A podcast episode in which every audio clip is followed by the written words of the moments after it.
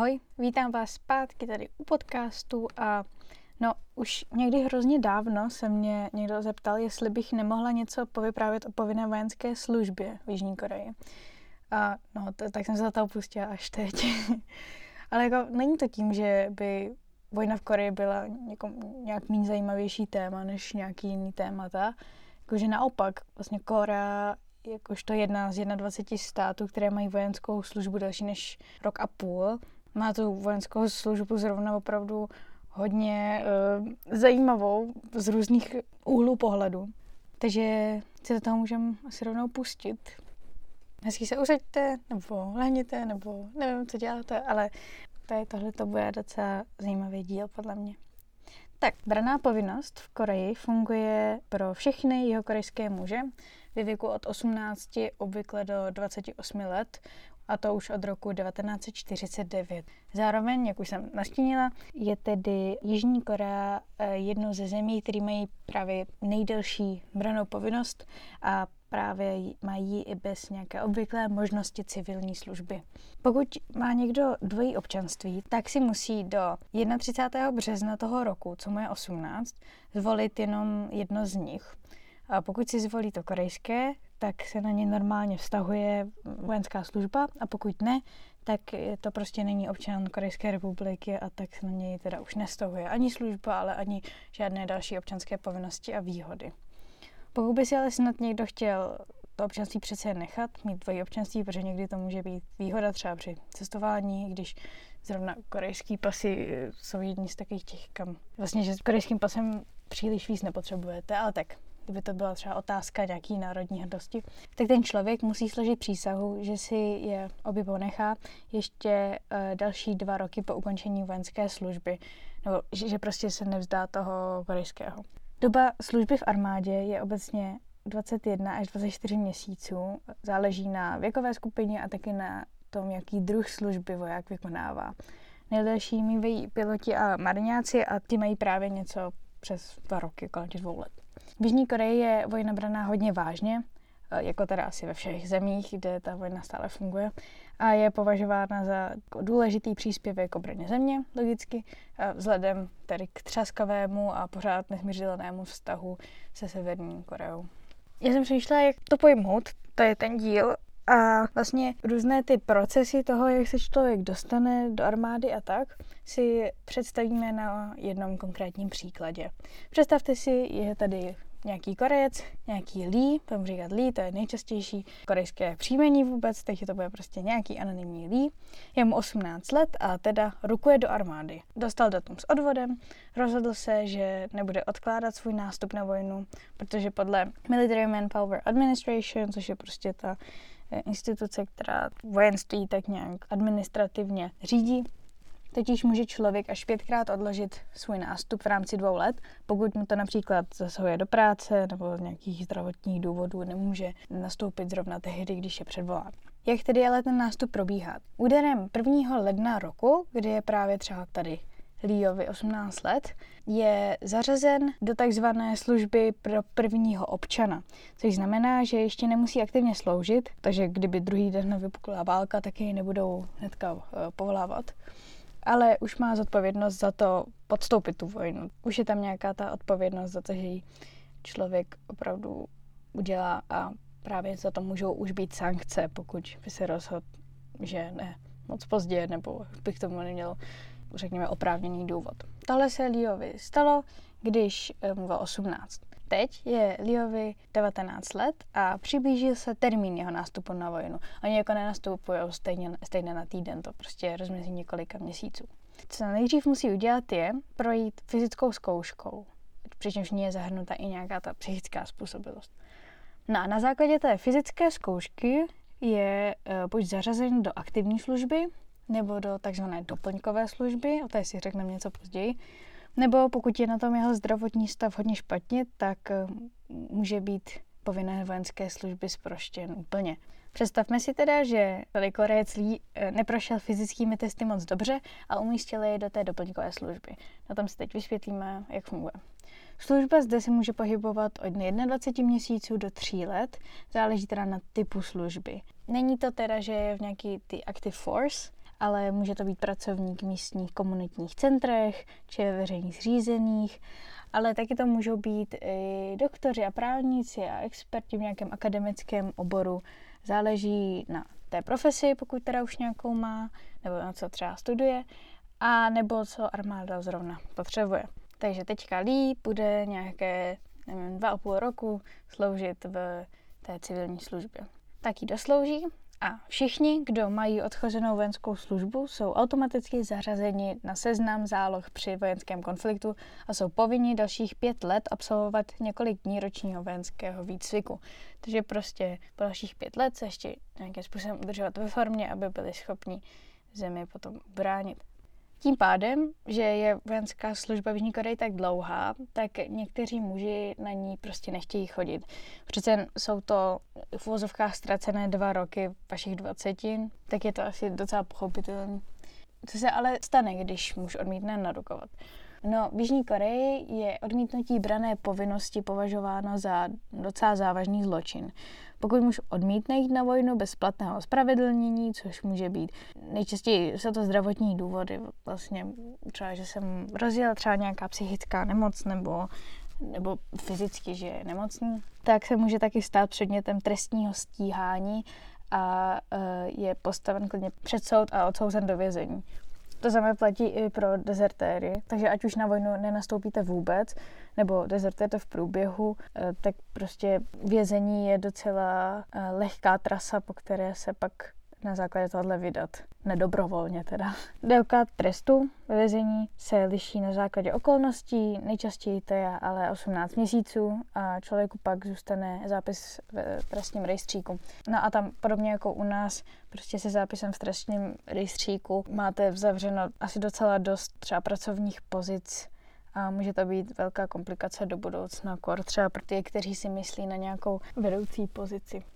Přesto ale existují způsoby, jak dostat výjimku. Buď teda vyhrajete medaily na olympiádě či zlato na azijských hrách, protože pak vaše vojenská služba spočívá pokračování tréninku po další dva roky a s vidinou dál reprezentovat zemi, nebo jste výjimečný umělec, který v Koreji tak moc přispívá rozvojem kultury, že by se bez něj za dva roky celý průmysl nebo show business zhroutil.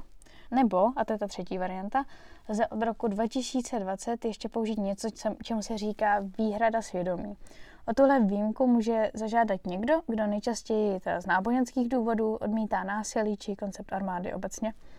A pokud ten člověk splní nějaké podmínky, které se s tím vážou, tak může dostat civilní službu, která je teda ale na tři roky a její vykonávání je omezeno na práce v typicky vězeňských institucích a nápravných zařízeních. Právě tím, jak Jižní Korea pořádně nemá civilní alternativu, se zabývalo i Amnesty International a tak například v roce 2015 ukázalo příběh Song Ina, který jakožto svědek Jehovův, odmítající uh, násilí a koncept armády a tak, odmítl jít do armády, odmítl přestoupit a hrozil mu za to trest 18 měsíců ve vězení. A právě eh, nebyl to první případ a nebyl to jediný případ a ani poslední, ale každopádně tohle je prostě eh, jeden z problémů, kterými jeho korejský armádní systém oplývá. V těch dalších výjimkách jsou ale taky nějaké trhliny třeba v té pro ty olympioniky nebo prostě velmi, velmi výrazné sportovce je trošku vysí otázka toho, co s těmi špičkovými sportovci, jejichž sport není na olympiádě nebo na nějakých velkých azijských hrách. A, nebo třeba co s e-sportovci, protože na ty se ta výjimka nevztahuje.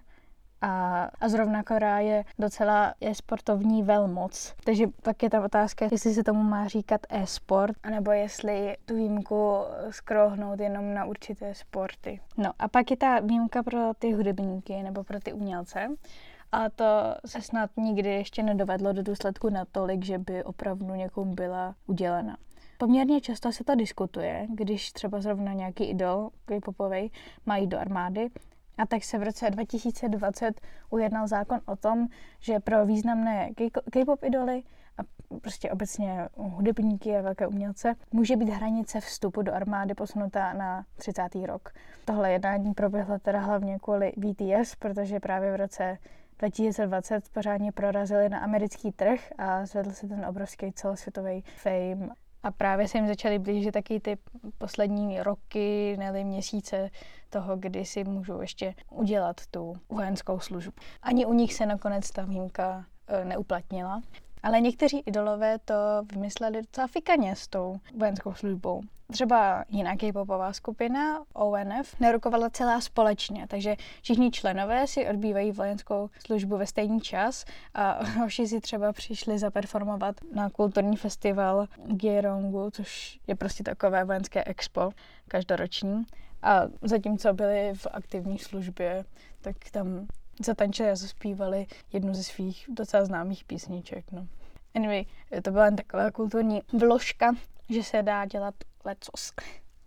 I když je služba v armádě v Koreji obecně vnímána pozitivně, především teda z vlasteneckých a jakých obranných důvodů, tak se čas od času objeví i protestní akce a demonstrace a petice za její reformování a někdy i úplné zrušení, protože má vojenská služba spoustu much, které už desítky let čekají na vyřešení. Už jsem zmínila ten problém s civilkou a tak k těm dalším se teďka dostaneme.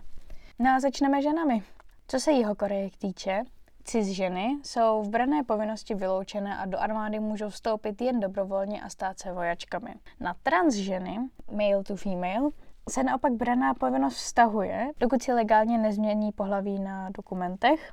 A pokud to ta trans žena nestihne před nástupem do armády, tak jde normálně sloužit. Ne však do aktivní složky, ale právě do té doplňkové složky. To samé platí pro trans muže akorát teda obráceně, takže dokud si legálně nezmění pohlaví, a u nich myslím, že to nejde jenom o dokumenty, tak v armádě sloužit nesmí, i kdyby jejich fyzické testy byly sebe lepší. Je jeden zajímavý příběh o Byon Hisu, transženě, která prošla změnou pohlaví během vykonávání vojenské služby, takže se stala de facto první transgender vojákem v aktivní službě. Jo, uh, když tak já teď budu vyprávět uh, trošičku o co šlo, ale předem se omlouvám za všechny nepřesnosti, co se týčou trans tématiky, protože v tom nejsem úplně uh, nejkovanější, tak mě když tak opravte potom, kdybych neřekla něco správně nebo si něco vykládala chybně. Dík. Každopádně, potom, co si prošla procedurami, které jí dovolily prezentovat se jako žena biologicky, a mimochodem teda postoupila v Tajsku, protože v Koreji to sice jde, ale je s tím asi více obteletaček než třeba v Tajsku, asi určitě. Takže po těch procedurách ji ze služby propustili s tím, že už prostě není schopná dár sloužit, protože protože asi má implantáty, nebo každopádně ano, tohle byl důvod, že prostě není dál schopná sloužit v armádě.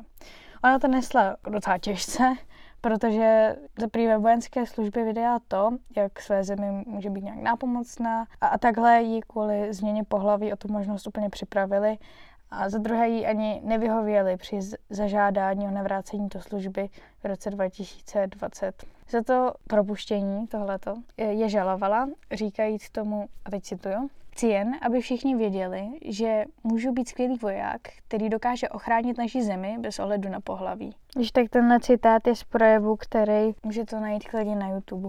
O rok později teda doma nalezená mrtvá a v se za sebe vraždila, protože už dlouhodobě měla deprese.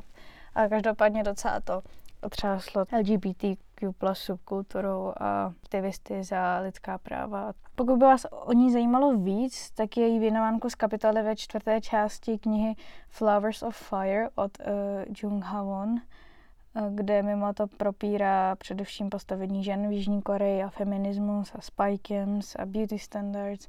A vlastně je to hodně zajímavá knížka a čte se docela rychle a tak je namluvená audiokniha na Audible, takže kdybyste měli rádi audioknihy, tak si to tam můžete pustit. Kromě tady téhleté genderové problematiky má eh, jeho korejská armáda stále do jisté míry velký problém se šikanou.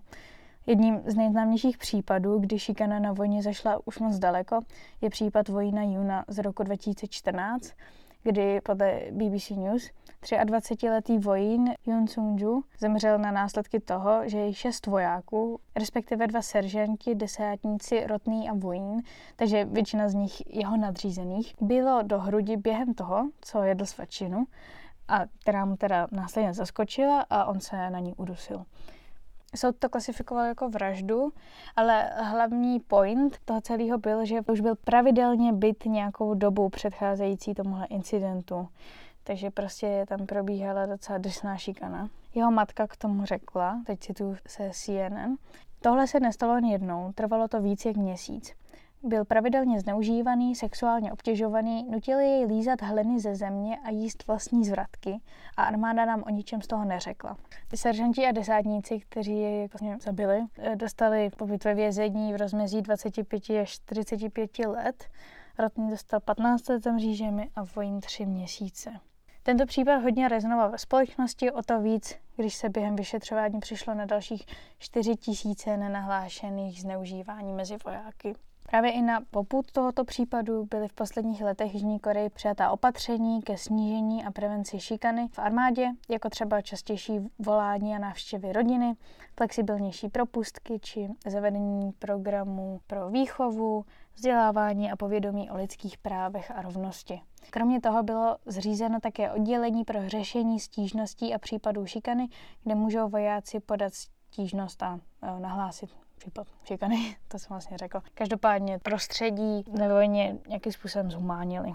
Pokud vás téma šikany v armádě zaujalo, tak moc doporučuji K-drama, korejský seriál DP. E, tam je to moc hezky a zajímavě vykreslený. Za ta celá vojenská hierarchie a teda taky může jít vlastně to s té šikany, vzhledem to, že najednou máte moc nad někým mladším a ještě jste vojáci, takže tam prostě je tam důraz na tu disciplínu, ještě jste v Koreji, takže taky základ na konfucianismu. To je jedna, ale je to fakt zajímavý. A za druhé tam moc hezky, no moc hezky, prostě věrně a vlastně jo, jakoby nechutně zobrazená ta šikana, která může vést dezerci a sebevraždám a pak vraždám a je to asi jedno z mých nejoblíbenějších K-dramat a je to na Netflixu, takže se to můžete podívat určitě. No, toto uteklo rychleji, než jsem si myslela, jo.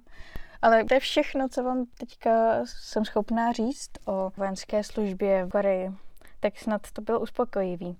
Ono existuje vlastně docela dost videí, který má nějaký jakoby insight, třeba jaké daily life toho Korejce v aktivní službě. Ale tak snad aspoň tohle to vám tak přiblížilo i nějakou problematiku té armády a ukázalo nějaké zajímavé osobnosti. O povinní vojenské službě v Severní Koreji bych asi mluvila v trochu jiném kontextu, ale někdy se do něj taky dám, protože ta je taky hodně zajímavá, zase úplně jiná. Takže se máte na co těšit, pokud vás vojenství a tyhle ty věci zajímají. Uslyšíme se teda zase někdy příště a zatím užívejte nastupujícího léta konečně. Tak jo, tak ahoj. you